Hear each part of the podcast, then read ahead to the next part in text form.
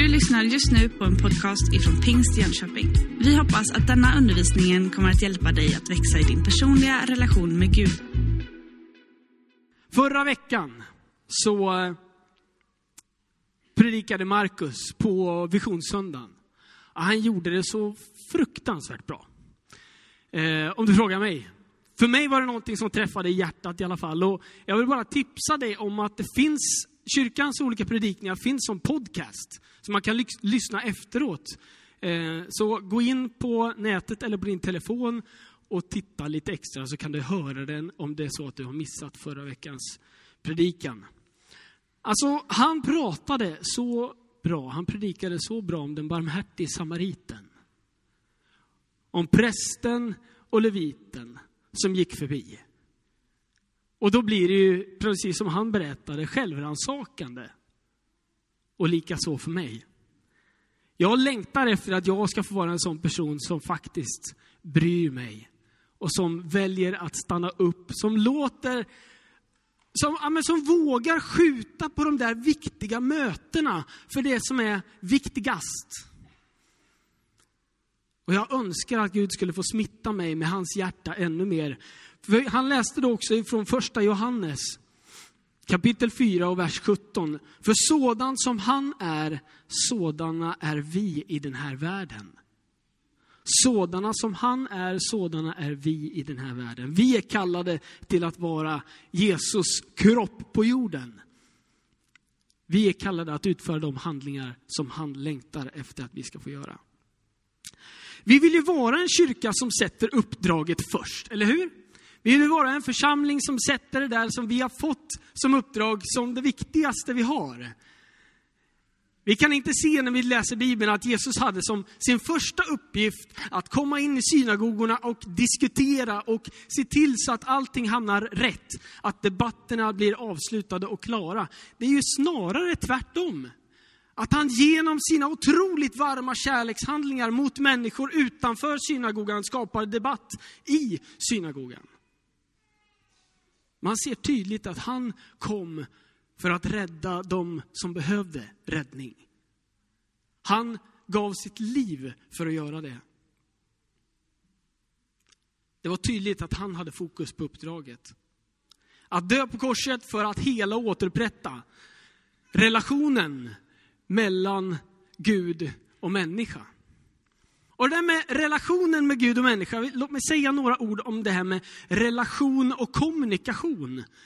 För det finns ju saker och ting där du och jag har ett utbyte med Gud. Alltså han...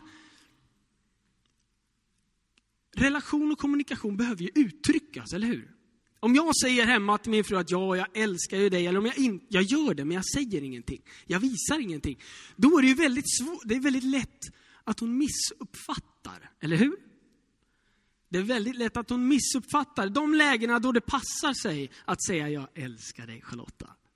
Eller de tillfällena då det passar sig med en kram, men det inte kommer. Va? Då är det ju nästan som man tolkar in någonting annat, eller? Det där med utebliven kommunikation och uteblivna kärlekshandlingar tolkas ibland på fel sätt. Och vi, vi använder så mycket av språk. Vi använder både ord, men vi använder också kroppsspråk. Och någon har sagt att det är 80 procent av det vi kommunicerar är kroppsspråk. Jag är faktiskt inte helt säker på att det stämmer, men, men eh, det är tydligen någon smart människa som har sagt så. Det finns så många saker som visar vad vi tänker och tycker, både attityd mot varandra, till exempel i en familj eller i en sån här församling, attityd och inställning. Vilken skillnad det gör! När man möter en människa med en positiv attityd, som vill framåt, som möter problem men försöker vara lösningsfokuserad och hitta en väg. Vilken skillnad det är när man möter en familjemedlem som har en sur dag. Som inte orkar, som inte pallar. Det är lite för mycket på jobbet just nu. Mattias orkar inte hålla uppe humöret och så får det konsekvenser hemma. Vilken skillnad det blir för, mina, för min familj. Relation och kommunikation och kärlek måste kommuniceras för att uppfattas. Jesus, han har ju tydligt kommunicerat sin kärlek redan från början när vi såg att han skapade människa. Att Gud skapade människa av kärlek. Och sen ser vi att han väljer att dö på ett kors för våran skull. Trots att vi inte gör alltid som han säger. Ändå så visar han sin kärlek. Sen har han fortsatt att kommunicera sin kärlek till oss genom att svara på våra böner. Genom hela historien så har vi bett Gud om hjälp och han har kommit och svarat. Han visar att han älskar oss. Han visar att han bryr sig om oss och på det viset svarar han på böner för att på ett tydligt sätt visa att han bryr sig om det vi bryr oss om. Sen kan man prata om hur vi kommunicerar tillbaka till Gud. Och för oss så blir det ju att tro på honom. Det är vår första tydliga kommunikation med honom. Alltså en gnutta, kanske bara lite till en början. Tänk om det är så att Jesus är på riktigt. Och så börjar man nära den tanken och börjar lyssna åt det hållet. Och börjar lyssna in och få höra lite mer som stärker och min åsikt och min tanke, min känsla börjar växa. Min tro börjar växa. Och under den där stunden som det här utvecklas så förstår jag mer och mer att om jag älskar Jesus Kristus så som han älskar mig, då behöver jag också visa det för honom, eller hur? Jag behöver visa det genom inte bara tro, utan också i handling. Jag behöver visa det på mitt, mitt sätt att lyda, när jag hör att han säger någonting till mig. Jag behöver visa det på ett sätt där jag visar med handlingar att jag bryr mig om det som han bryr sig om. Och vad bryr sig Gud om? Vad älskar Jesus så otroligt mycket? Jo, oss. Han älskar församlingen. Vi bör handla mot församlingen så som han handlar mot, församling, mot församlingen, eller tillsammans med församlingen. Vi bör handskas med människor som inte har en tro på så sätt som Jesus skulle ha gjort det och som han gör det. På det sättet, när vi berättar om Jesus för andra, när vi håller församlingen högt, då visar vi i sig självt så blir det en kärlekshandling och ett uttryck för våran tro. Vi behöver använda de språk som vi kan för att visa vår överlåtelse till Jesus. Och vi ska stanna just en stund vid detta med överlåtelse och prata lite grann om talang och engagemang. Kärlekshandling. Hur visar det sig i ditt liv att du älskar Jesus? Hur blir det konkret? Hur blir det inte bara ord och bra och sköna formuleringar när du tänker? Utan hur blir det på riktigt? Och nu så ska vi läsa, jag ska läsa ett bibelstycke här och ni ska få hänga med. Det kommer inte upp text på skärmarna, så har du bibel med dig så plocka fram den. Jag vill dock förvarna om att jag läser inte ifrån Bibel 2000 eller folkbibeln nu, utan jag ska läsa ifrån en svensk parafrasöversättning som heter The Message. Okej? Okay? Så det är lite andra formuleringar. Jag hoppas att du ska lyssna och ha ett vaket öra nu hela vägen. Okej? Okay? Är ni beredda? För här kommer bibelordet. Matteus 25 och 14.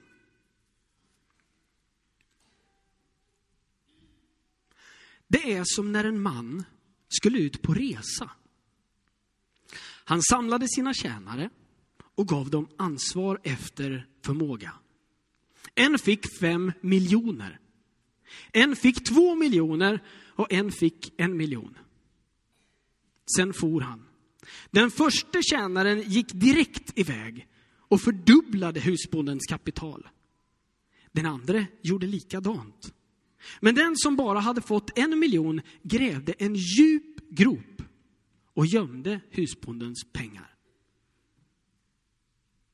Långt senare kom de tre tjänarnas husbonde tillbaka och ville veta hur de hade skött sig.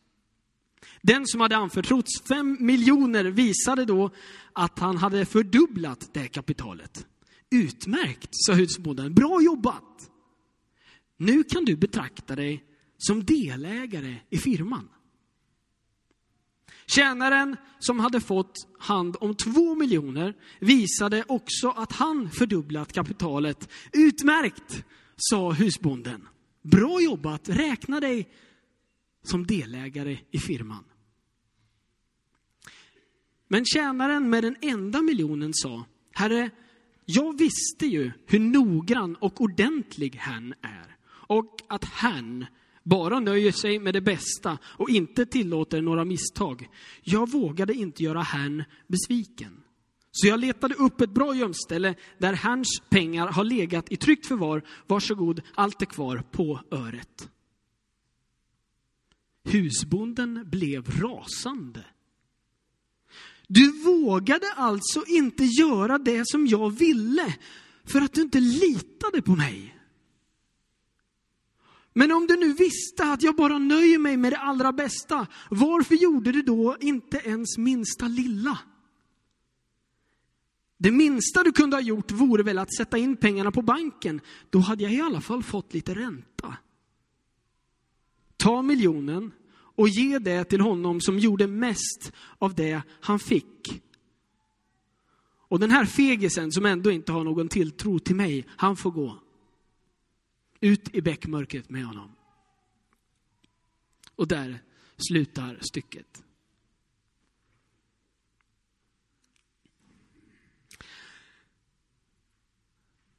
Jag tror att både du och jag har fått talanger, talenter. I gamla översättningar eller i Bibel 2000 och i, i um, folkbibeln så står det här som liknelsen om talenterna. Och i, på engelska då är ju talent alltså gåva eller något man är duktig på, en talang.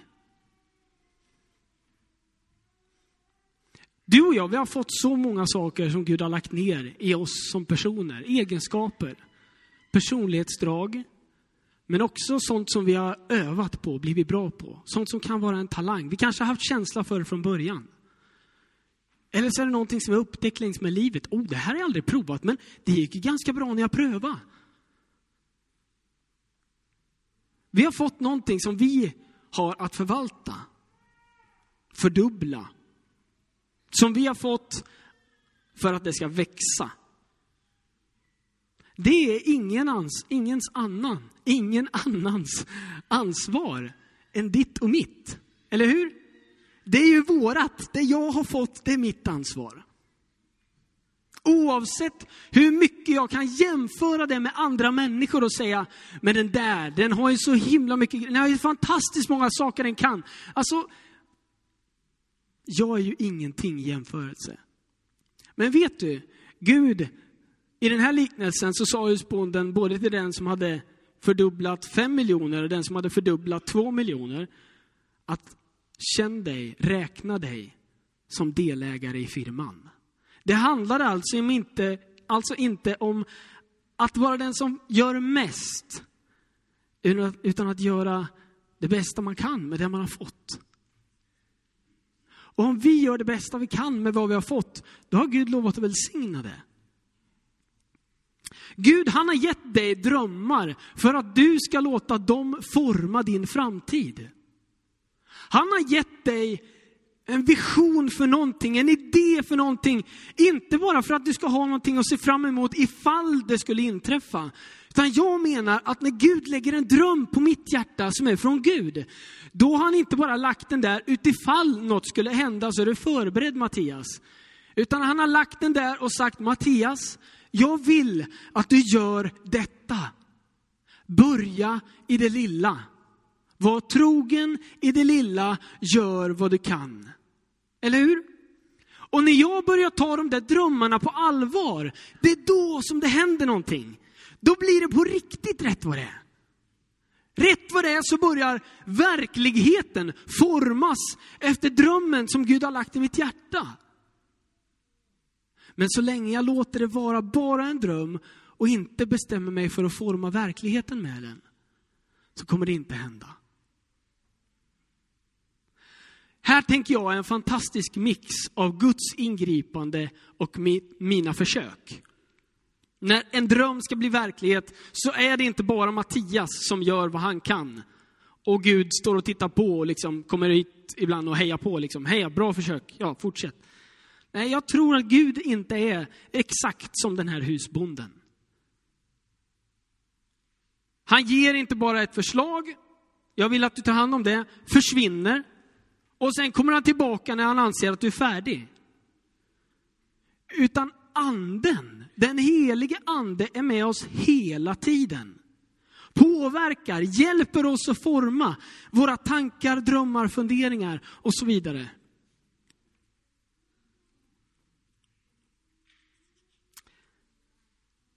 Det står så här i, först, i andra Korintierbrevets nionde kapitel och sjätte vers. Så står det, men tänk på detta. Den som sår sparsamt får skörda sparsamt och den som sår rikligt får skörda rikligt. Var och en ska ge vad, jag, vad han har bestämt i sitt hjärta, inte med olust eller tvång. För Gud älskar en glad givare. Jag har hört så många underbara predikningar om ekonomi kring detta. Och det kommer, men det är inte det jag ska tala om nu. Jag tror att Gud pekar på någonting när det gäller vårt engagemang och vår tid. När det gäller det här bibelordet också. Den som sår sparsamt skördar sparsamt. Den som sår rikligt skördar rikligt. Gud, han längtar helt enkelt efter att du och jag ska göra vårt bästa med det vi har fått. För han längtar, det är inte bara det att han tycker det vore kul om du fick en stor skörd. Utan det är hans skörd. Förstår ni? Han längtar efter att hela världen ska få ta emot Jesus, ska få tro på honom och ta emot honom i sitt hjärta. Det är ju hans uppdrag. Det är ditt och mitt uppdrag. Det är samma skörd vi jobbar för. Han kommer glädja sig med dig så enormt av skörden som finns, eller frukten som finns runt omkring ditt liv. Det som blir konsekvensen av att du tar honom och dina talanger eller ditt engagemang på allvar. Jesus han vill att vi ska ge med ett glatt hjärta. Det betyder att du och jag, även där är vi ansvariga för att ge med ett glatt hjärta. Vårt engagemang, vår tid. Det är ingen annan som har fått det som en större uppgift att vaka över ditt engagemang eller framförallt ditt glada hjärta. Det är du och jag. Det finns så många perioder i mitt liv som jag har känt att saker, ting, omständigheter, människor runt mig har påverkan på mig som försöker att sänka mitt glada hjärta. Och när jag vill ge mig ett glatt hjärta så påminns jag om saker och ting. Men vet du, det finns så mycket som jag kan tolka in mellan rader också. Som gör att jag tror att det är på ett sätt som jag inte har sagt, eller som de inte sa. Men jag tolkar det till det sämre. Och det drar ner mitt hjärta. Det är ingen annans ansvar att försöka se till så att jag tolkar saker rätt i livet, utan det är ju mitt. Gud säger att han älskar en glad givare och när jag ger med ett glatt hjärta då, ja, det blir väldigt skönt då. Det blir så mycket roligare att ge också, eller hur? Det är ju en enorm skillnad. Jämfört med om jag ger med ena handen men samtidigt så knyter jag näven i fickan. För egentligen så är jag arg. Egentligen så tycker jag inte om det här. Egentligen så är jag bitter, jag kanske är sårad, jag kanske är ledsen. Det här påverkar mitt engagemang och jag ger inte med ett glatt hjärta längre. Jag ger av plikt. Eller för att rädsla av vad andra ska tycka om jag inte ger av mitt engagemang. Jag kände så här, jag ska bara ärligt säga att jag tycker det här är ett ämne som är svårt att prata om. Men det är så viktigt. För det du och jag bygger är Guds rike. Vi bygger inte verksamheter i vår kyrka. Det är en del av det. Men det är inte syftet. Syftet är att människor ska få bli räddade och ska få förstå vem Jesus är, eller hur? Om jag slutar att ge mig ett glatt hjärta, då tappar innehållet, själva essensen. Men om du och jag fortsätter att genom svårigheter i livet, fortsätter att ge Gud med glatt hjärta, då talar det och det predikar i sig självt, eller hur? Jag är så imponerad av människor som man möter, som går igenom svårigheter, sjukdomsperioder och annat, men som fortsätter att tacka Jesus. Som fortsätter att säga, jag håller dig högt i mitt liv Jesus. Som inte blir bittra, utan som fortsätter. Det är för mig otroliga föredömen. De som fortsätter att ge och ge, som eh, Lennart Lundin till exempel. Målaren i kyrkan. Alltså han, han har ju målat, jag vet inte med hur många hundra liter i den här kyrkan han har, eh, liksom, som han har stått vid väggar och tak och golv, eller golvlister. Målar man golvlister? Kanske. Dörrlister. Ah, karmar. Ni ser hur bra jag är på sånt där. Det är tur att det är du Lennart som målar, inte jag. Jag blir så imponerad av människor som gör det. Jag blir så imponerad av Malin Evemyr som tar tid, ungdomsledare, och tar tid timme efter timme och sitter med tonårstjejer som behöver hjälp på ett eller annat sätt och lyssnar och ber och lyssnar och ber. Jag är så tacksam för Siv Bäck som fortsätter att bara be och be och be och be och älskar den unga generationen. Har ett helt annat uttryck om du skulle välja, men du fortsätter och ber. Och det är så fantastiskt. Som får en hel smågrupp att säga, vi ska be särskilt för barn och unga.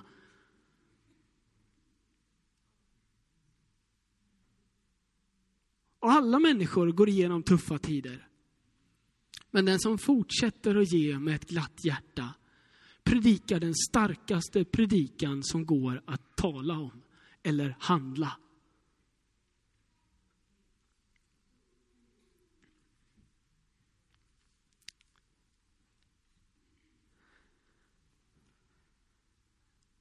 Vi behöver vara rädda om varandra, hörni.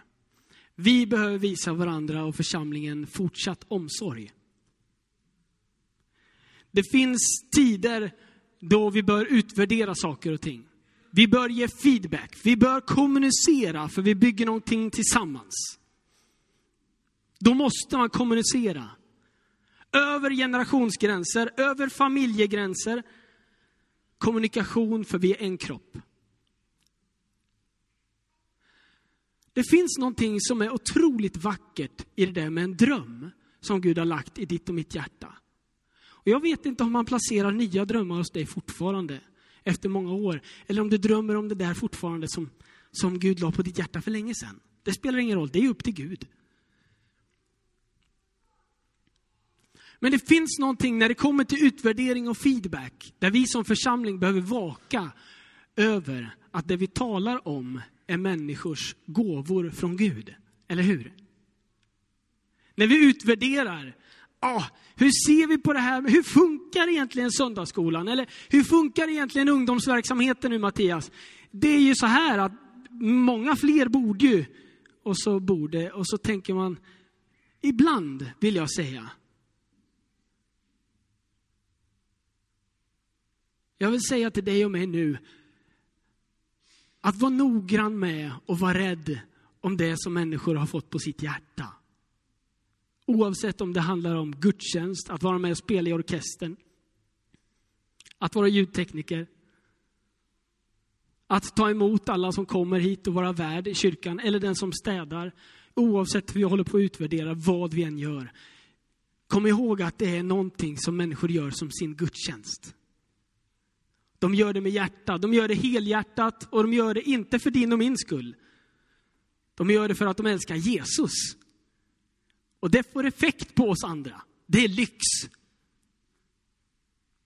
Vi får ta del av att människor älskar Jesus. Och när vi älskar Jesus så mycket tillsammans så att det blir handlingar av det, då händer det något fantastiskt.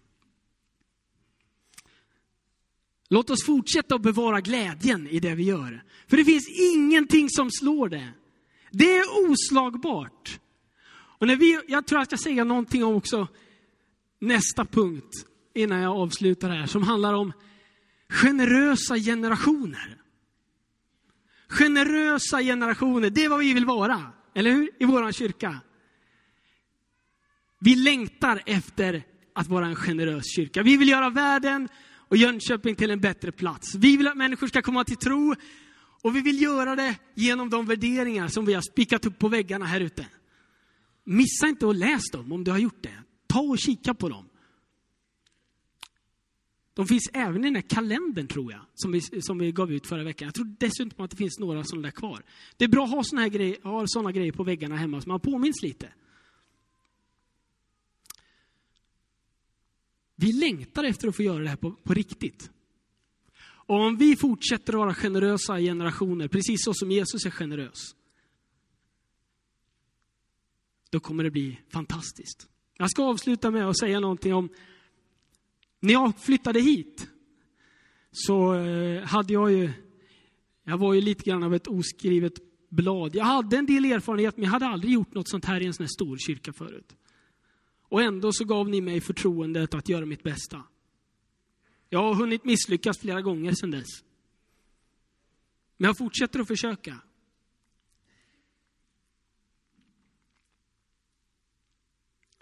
När jag flyttade hit så var det som att Gud gav mig ett manna att gå och tugga på om och om igen. Och det var som att de här orden inte var någon lång avancerad mening, men jag har haft så stor nytta av det. Och det var, var generös. Jag hade upptäckt att jag, jag älskar församling, du vet, och jag kände ett stort ansvar för det som jag har fått att hålla i. Det som är mitt ansvar. Och längs med hela vägen så har jag bott i mindre orter med mindre kyrkor. Och där jag har känt ansvaret att jag måste hålla kvar ungdomarna så mycket jag bara kan. Jag måste hålla dem kvar, inte sådär så att de annars tappar de sin tro, utan för verksamhetens skull. Ledarna behöver jag motivera, behöver peppa dem och allt det här. Det blev nästan som att jag tyckte att det där som var min gåva blev mitt. Och där hamnar jag i samma läge, du vet, som Abraham och Isak, när Gud säger till Abraham att du ska offra din älskade son. Ibland så finns det tillfällen då Gud utmanar dig och mig att offra det som är våran talang. Det som är vårt. Lägga det på altaret för att än en gång säga Jesus, jag gör bara det här för att jag älskar dig. Jag bygger det inte för min egen skull. För det fanns så många tillfällen för min del där jag ville hålla kvar i någonting som jag trodde att jag skulle tappa. Hålla kvar i människor, funktioner. Och risken för manipulation kan bli stor i det läget. Men när det här ordet kom till mig, Mattias, var generös så byggde det någonting i mitt liv som har format mig. Som har hjälpt mig. Och jag vet att jag inte skulle vara generös för att, inte bara för andras skull, utan också för min egen skull. För att jag skulle inte hålla i någonting så hårt. Vet du vad vi kallade till att hålla hårt? Det är Jesus hand. Det är du och jag kallade till att hålla hårt i.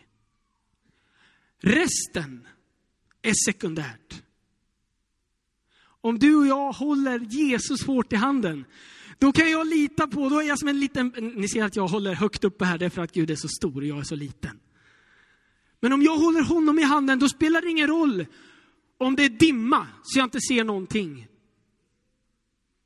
Det spelar ingen roll om det är varmt ökenhetta, det spelar ingen roll om jag går över berg eller genom dalar, genom vatten. För jag vet att jag kommer åt rätt håll. För han leder mig. Låt oss fortsätta att vara generösa mot varandra och låt oss fortsätta att hålla Jesus hårdast i handen och inte hålla andra saker som våra gåvor eller talanger eller vårt engagemang och ta det för givet. Du har just lyssnat på en podcast ifrån Pingst Jönköping. För att få reda på mer om vilka vi är och vad som händer i vår kyrka så kan du gå in på pingstjonkoping.se eller följa oss på sociala medier via pingstjkpg.